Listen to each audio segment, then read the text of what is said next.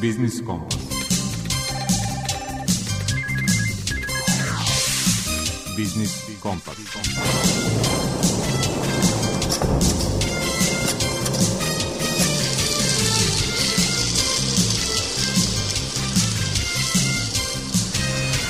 Pred mikrofonom je Đuro Vukilić.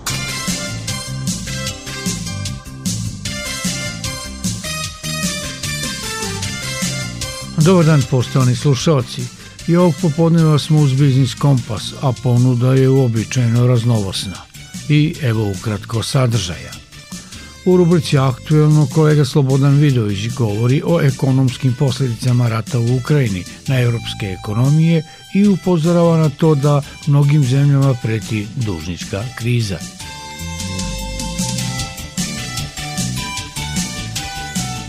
Javno preduzeće Elektromreža Srbije je od 2011. u prenosni sistem uložilo 380 miliona evra, a u narednih deseta godina planira da uloži još 900 miliona evra. O ključnim investicionim planovima EMS-a u rubrici iz mog ugla govori generalna direktorka Jelena Matejić. U rubrici Svet preduzetništva rukovodilac projekata u regionalnoj razvojnoj agenciji Bačka Marija Prokopić predstavlja konkurs Ministarstva turizma i omladine namenjen projektima unapređenja turističke ponude.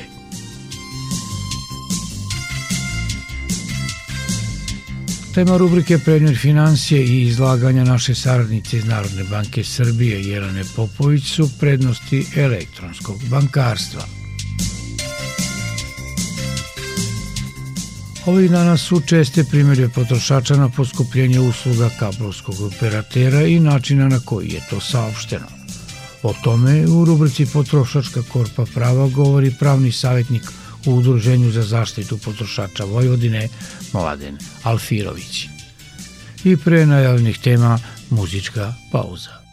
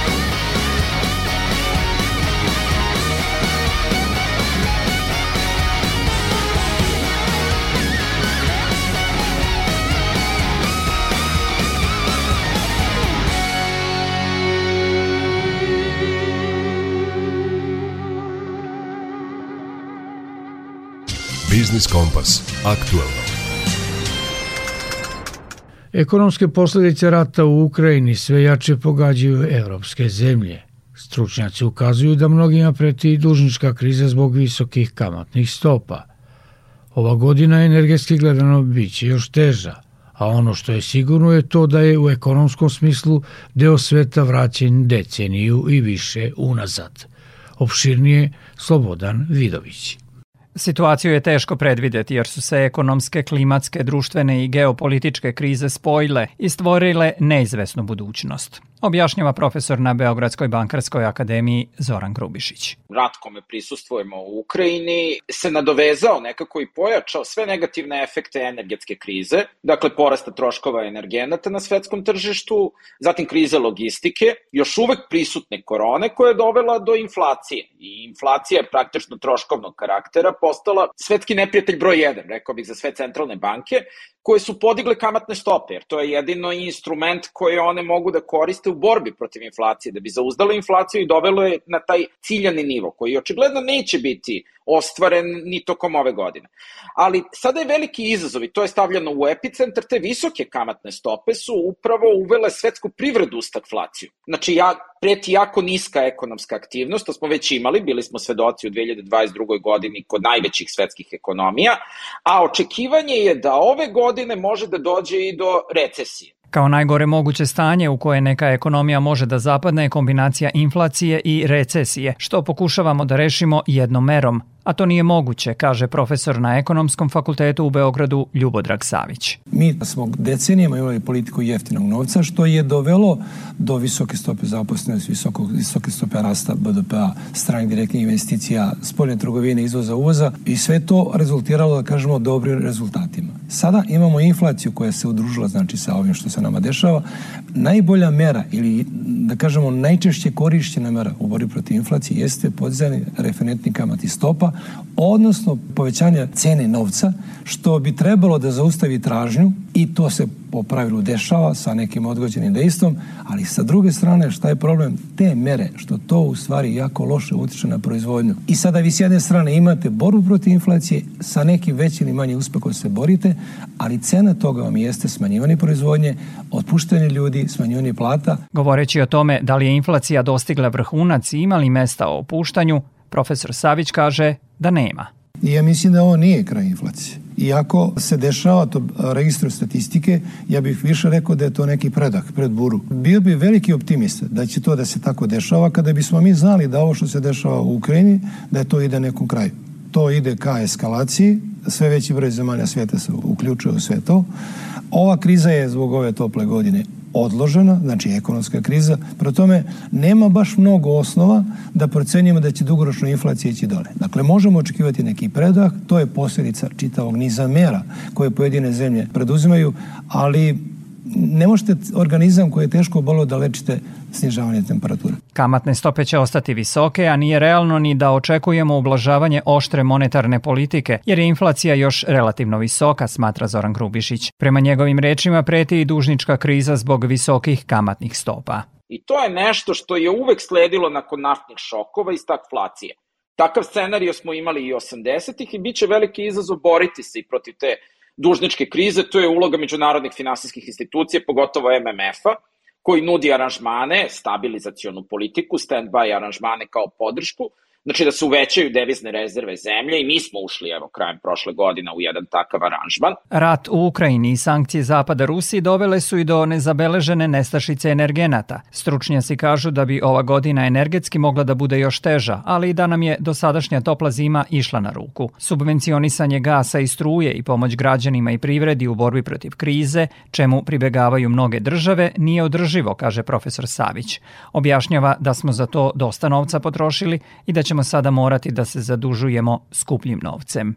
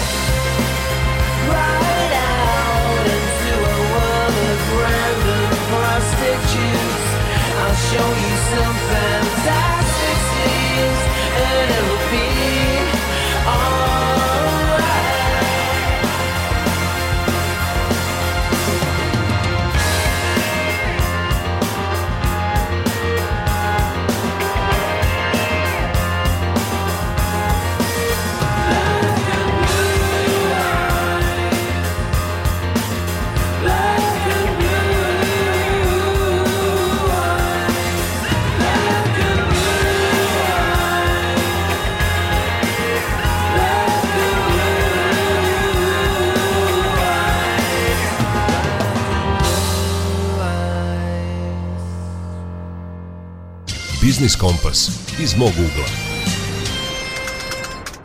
Javno preduzeće Elektromreža Srbije je od 2011. do danas u prenosni sistem uložilo 380 miliona evra. Plan ulaganja do 2033. dostiže 900 miliona evra, od čega će deo novca biti uložen u Transbalkanski koridor za prenose električne energije kao najveći projekat u istoriji EMSA. Pored Transbalkanskog, izuzetno važnu ulogu u investicionim planovima EMSA ima takozvani Panonski koridor, ocenjuje u rubrici iz mog ugla generalna direktorka tog preduzeća Jelena Matejić. Reč je o izuzetno važnom projektu velike vrednosti nistog kilovatnog napona mreže za prenos električne energije i predstavlja zapravo odgovor na potrebu za povećanjem prekograničnih kapaciteta na granici između Mađarske i Srbije. Projekat podrazumeva i novu interkonekciju na ovoj granici. Potrebna su i interna ojačanja u mreži u delu Vojvodine. Ovo ojačanja podrazumevaju veze od Sombora do Novog Sada, zatim region Beograda i Sremske Mitrovice i projekat je jako bitan ne samo s aspekta razmene energije sa mađarskim sistemima, već i zbog omogućenja priključenja novih obnovljivih izvora koji nam se javljaju zahtevima od strane uglavnom privatnih investitora. Naravno to nije značajno zato što nama nediskriminatorno bilo da je reč o privatnim, bilo da je reč o državnim parama ponašamo se prema zahtjevima na isti način. Ovi zahtjevi trenutno za izgradnjom obnovljivih izvora energije i njihovim priključenjem na prenosni sistem se najvećim delom fokusiraju i koncentrisani su na oblast Bačke. Na teritoriji Srbije ćemo samo u okviru ovog projekta podići oko 170 km čak novih dalekovoda i osim dalekovoda između Beograda i Sremske Mitrovice trebalo bi da do 2030. godine bude gotovi ostatak projekta koji se odnosi na interkonekciju prema Rumuniji. To je kratka trasa od oko 3 km i preko 3 miliona evra Važno je pomenuti u okviru ovog projekta interkonekcije taj severni Continental South East koridor za prenos električne energije. On uključuje izgradnju nove transformatorske stanice u blizini Beograda i takođe dvosistemski 400 kW vod od te transformatorske stanice do Južnog Banata.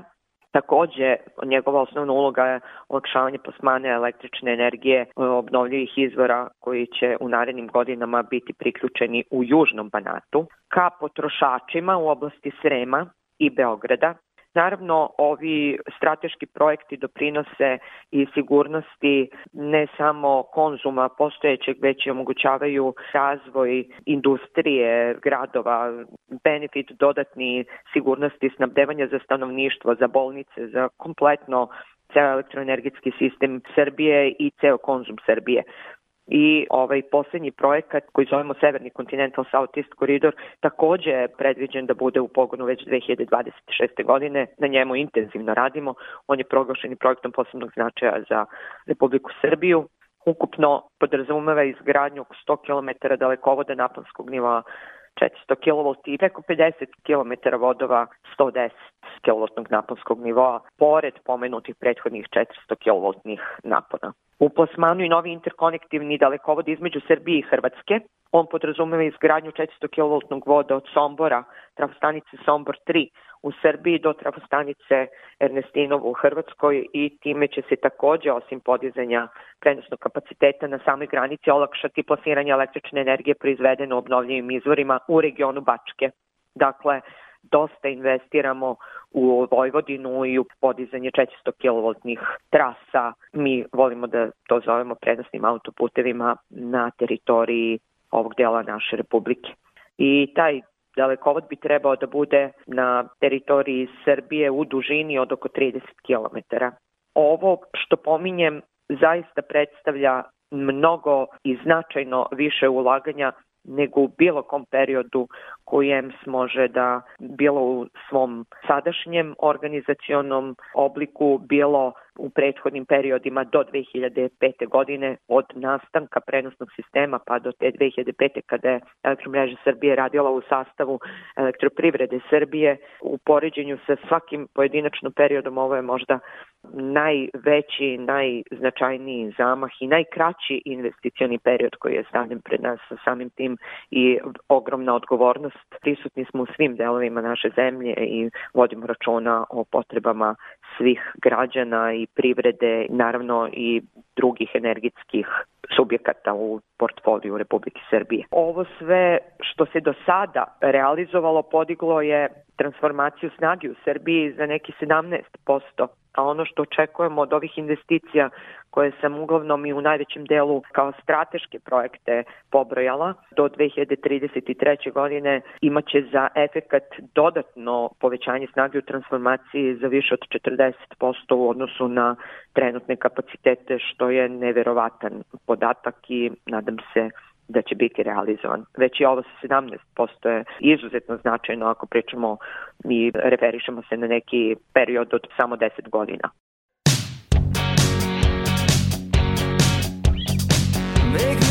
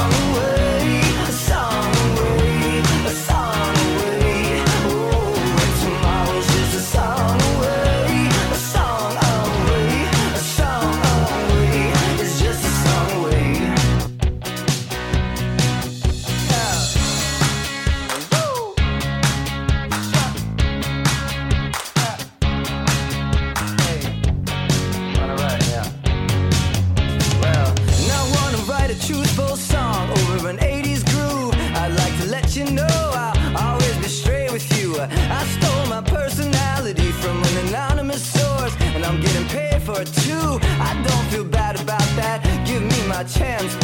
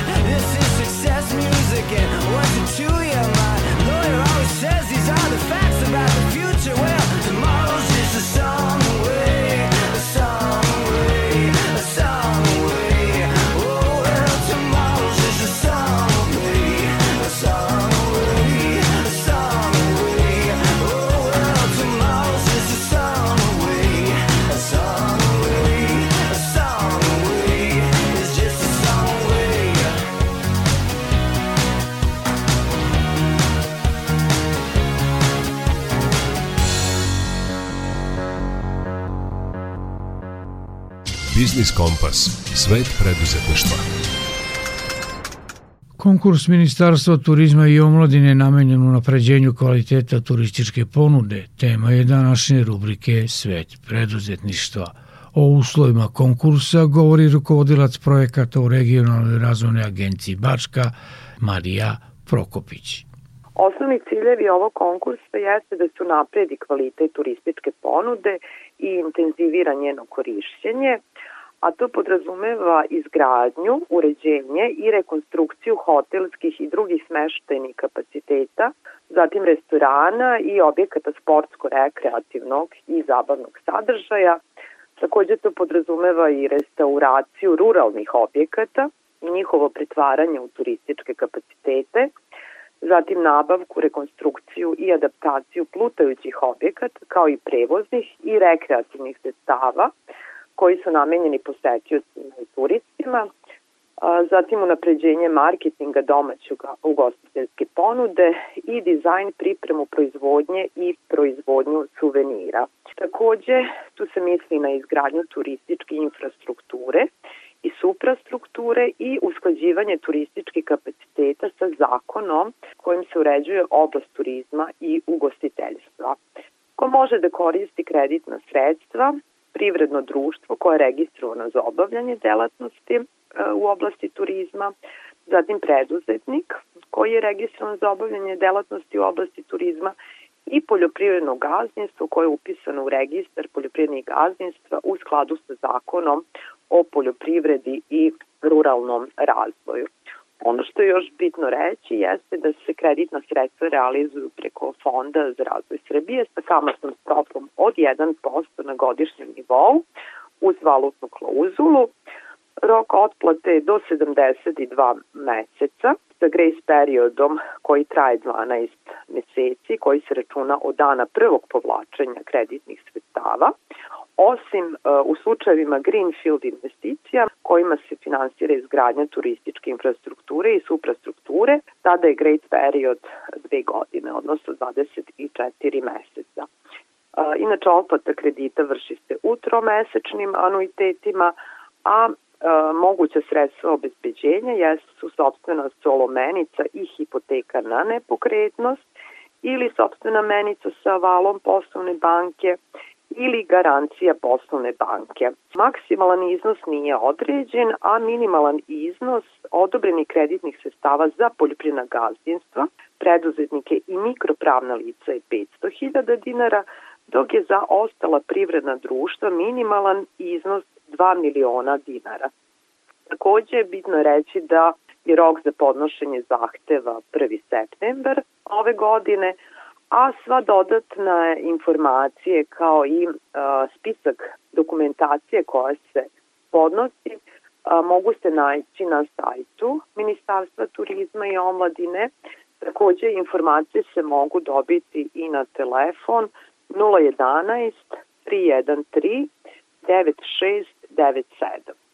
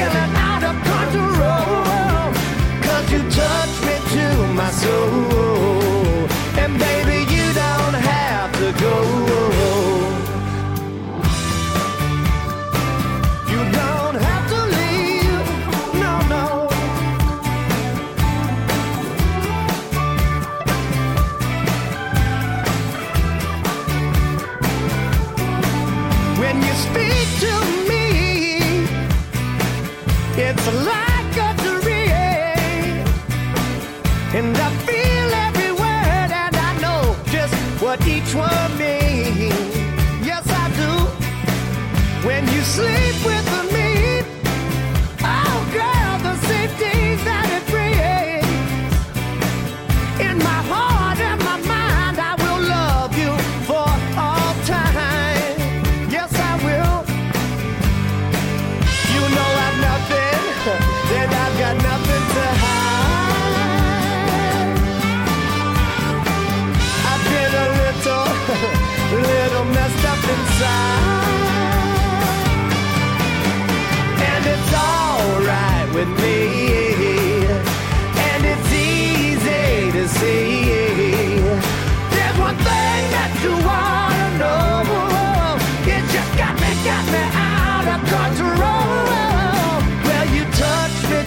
my soul.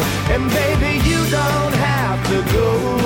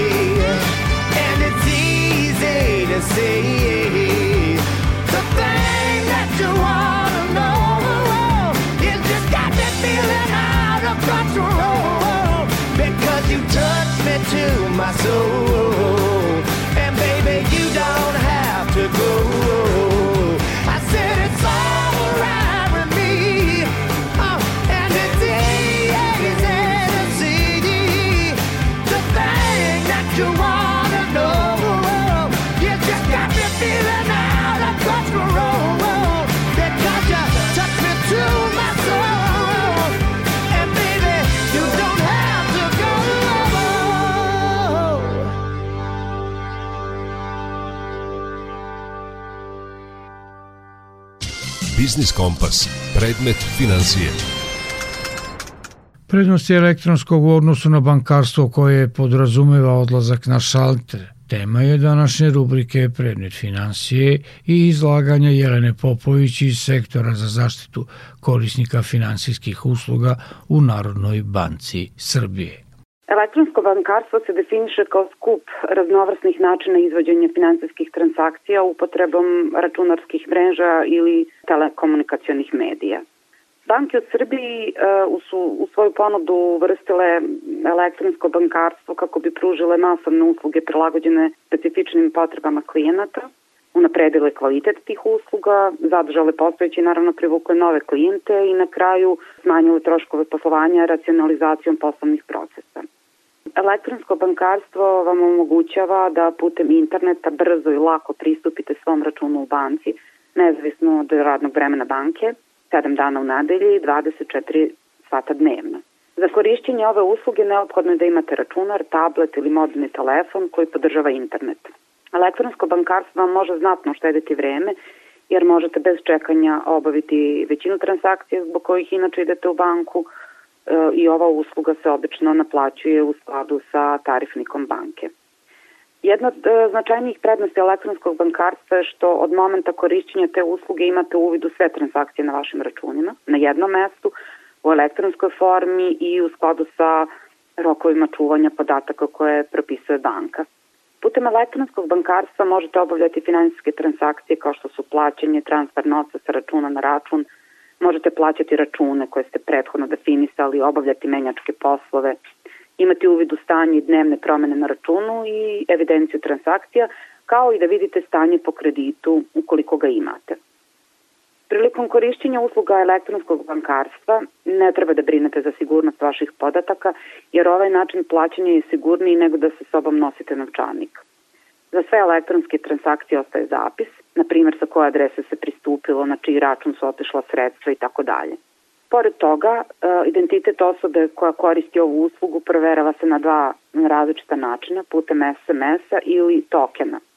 Ukoliko za autorizaciju koristite SMS, banci prijavljujete broj mobilnog telefona na koji će vam prilikom obavljanja transakcije putem aplikacije za elektronsko bankarstvo stizati jednokratna lozinka koju ćete upisivati i za, u, za to predviđeno mesto u samoj aplikaciji i na taj način kompletirati transakciju. Token je uređaj sličan kalkulatoru koji se daje korisniku prilikom registracije za korišćenje usluga elektronskog bankarstva i korisnik se identifikuje tako što u tokenu kucava PIN broj koji je prethodno odabrao. Token je vezan za svakog korisnika pojedinačno i njegov račun ili više računa, tako da se ne može posuditi drugima. Mobilno bankarstvo predstavlja najnoviji trend u razvoju elektronskog bankarstva koji omogućava plaćanje putem mobilnog telefona, tableta i drugih uređaja koji su opremljeni specijalnim softverom za mobilni pristup internetu. Mobilnom tehnologijom banka omogućava klijentu kontrolu nad sobstvenim transakcijama, a najveća prednost se ogleda u mobilnosti, automatskom i trenutnom povezivanju sa bankom i naravno jednostavnoj upotrebi. Što se tiče kartica za plaćanje preko interneta, one mogu biti debitne i kreditne i internet kartice. Između ostalog, ove kartice se koriste za plaćanje roba i usluga prodavcima ili dobavljačima i to online.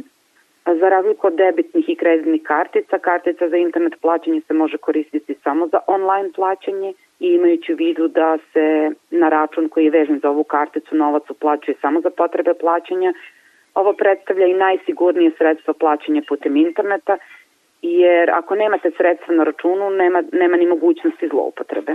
Kartice za plaćanje preko interneta su vezane za tekući dinarski ili devizni račun, da bi moglo biti izvršeno plaćanje određene robe i usluge preko interneta.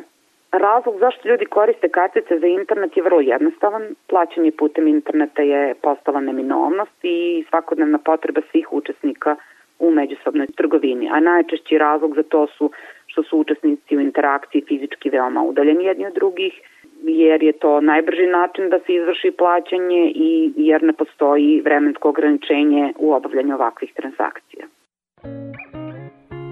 You say I love you, boy.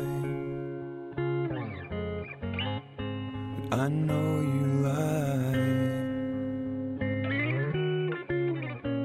I trust you all the same.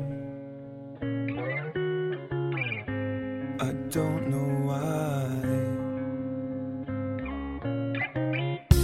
Cause when my back is turned, my bruises shine.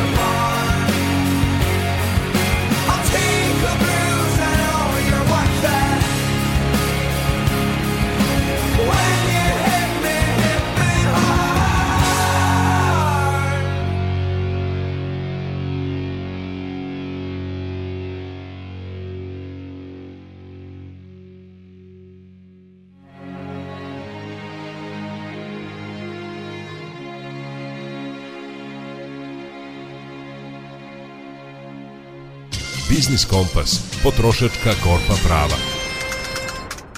Korisnici usluga kablovskog operatera ovih dana su suočeni sa poskupljenjem usluge, a negoduju i protiv načina na koji je to saopšteno. O tome u rubrici Potrošačka korpa prava govori pravni savjetnik u Udruženju za zaštitu potrošača Vojvodine Mladen Alfirović. U proteklih mesec dana smo dobili više desetina prigovora potrošača koji zbog promene cene žele da, da raskinu ugovor sa, sa operatorom za telekomunikacije. Konkretno radi se o jednom operatoru koji pruža usluge prvenstveno kablarske televizije i interneta. E, došlo je do, do promene cene, međutim ono što e, je sporno jeste način na koji su potrošači obavešteni o ovoj bitnoj promeni uslova pod kojim je ugovor zaključen i e, generalno dalje pravima potrošača kad dođe do bitne promene ugovornih uslova, a cena usluge je svakako bitna promena. Zakon o elektronskim komunikacijama i zakon o zaštiti potrošača propisuju da je operator dužan da potrošača na pogodan način, dakle koristi se zakonska formulacija na pogodan način 30 dana unapred obavesti o promeni cene i da mu ponudi mogućnost za raskid ugovora bez bilo kakve naknade ukoliko potrošač nije saglasan sa promenom cena.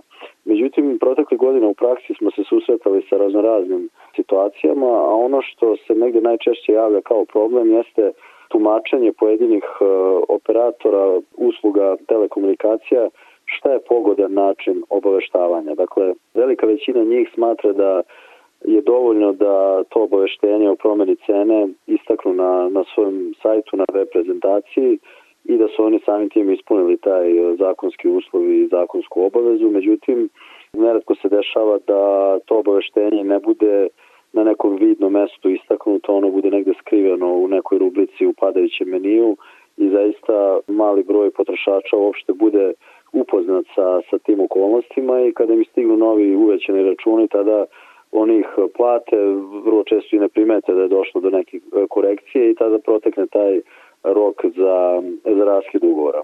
Ono što definitivno možemo da potvrdimo jeste ono što smo dobili ovih dana kao presudu, odnosno stav sudske prakse, a to je da obaveštavanje korisnika usluga o nameri uvećanja cena usluga putem objave na internet sajtu operatora se ne smatra pogodnim načinom obaveštavanja s obzirom na to da potrošač nema obavezu niti je ima da posećuje sajt i na taj način prati da li će doći do eventualne promene uslova ugovora s obzirom da je zaključio i potpisao ugovor sa operatorom u pisanoj formi. Dakle, to pitanje koje možemo da kažemo bilo sporno, rešeno je način da je sudska praksa jasno zauzela stav da to obaveštenje e, koje je istaknuto samo na internetu nije pogodno. Dakle, iz prosto logičnih i životnih razloga, jer dobar deo potrošača prosto ne koristi internet, govorimo o naš, nekim našim starijim sugrađanima, a imamo i one potrošače koji zaista nemaju bilo kakvu vrstu obaveze da posećuju redovno sajt i da prate bilo kakve promene. Dakle, ono što smo mi godinama predlagali jeste da to obaveštenje mora ići u pisanoj formi 30 dana unapred, najbolje uz račun. Dakle, da će to biti na nekom posebnom podnesku pismenu ili će se nalaziti na, na poleđini računa jasno i vidljivo, to je ono što je prosto najpogodniji način i jedini zapravo da svako uh, bude upoznat sa, sa promenom cene i da u skladu sa tim reaguje u smislu da li će nastaviti da koristi usluge tog operatora ili će prosto zbog promene cene raskinuti ugovor i otići kod nekog drugog. Dakle, ono što možemo sada da potvrdimo jeste da se čak i sudska praksa saglasila sa nekim našim stavovima i tumačenjima i sad ostaje da se vidi u nekom budućem periodu da li će se pojedini operatori koji su se godinama oglušavali u tu svoju obavezu da na pogodan način obaveste svoje korisnike i na taj način pokušavali da umanje stepen njihovih prava koje su garantovane zakonom, prilagoditi ovom novom tumačenju ili ćemo opet morati da, kao što je to do sada bio slučaj, da idemo u neke sudske postupke i da to dokazujemo, što svakako ne bi preporučili, što nije generalno ni svrsishodno, a ni ekonomično u odnosima između potrošača i operatora telekomunikacijnih usluga. Dakle, evo sad možemo ekskluzivno da kažemo da definitivno možemo potvrditi da i obaveštavanje samo putem interneta nije dovoljno i pozivamo ujedno sve, sve operatore koji vrše bitne promene uslova pod kojima je ugovor zaključen, a tu se prvenstveno misli na, na promenu cene, pa u nekim situacijama i na bitnu promenu strukture tarifnog paketa u smislu ponude određenog broja kanala, da sva, svaka vrsta promene mora biti unapred e, jasno i nedvosmisleno u pisanoj formi, najbolje uz račun ili neki poseban dokument u pisanoj formi kako bi oni dalje naravno mogli da donesu ekonomsku odluku kako će postupiti u toj situaciji, da li će no, zapravo realizovati u praksi svoje pravo kojim daje zakon o elektronskim komunikacijama i zakon o zaštiti potrošača da raskinu ugovor bez plaćanja bilo kakvih penala i naknade ili će zapravo pristati sa saglasiti se sa bitnom promenom tarifnog elementa, bilo da je reč o ceni ili strukturi paketa i nastaviti da koriste uslugu pod novim okolnostima.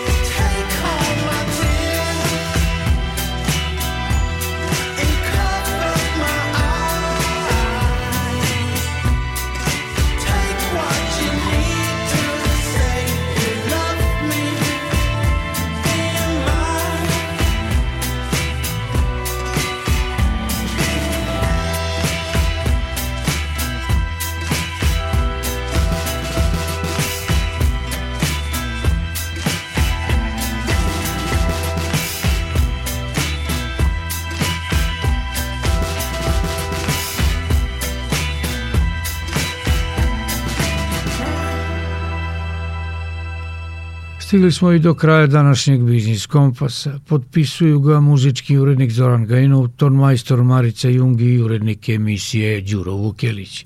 Slušajte nas i odloženo na internet stranici radio televizije Vojvodine podcastu Odloženo slušanje. Zdravi bili i čuvajte se. Terminus.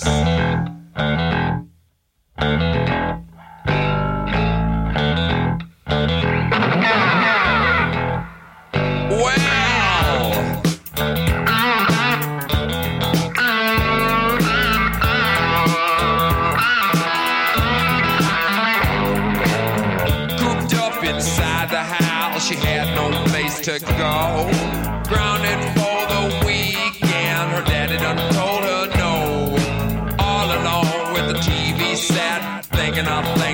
do. Gonna call up her best girlfriend, cause maybe she could do it too.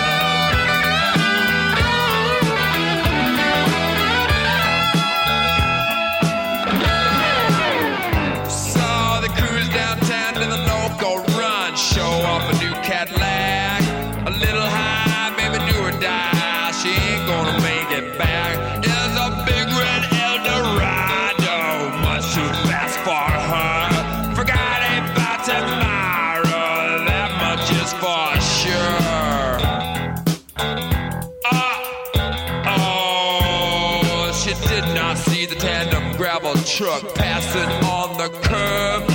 Too much fun, too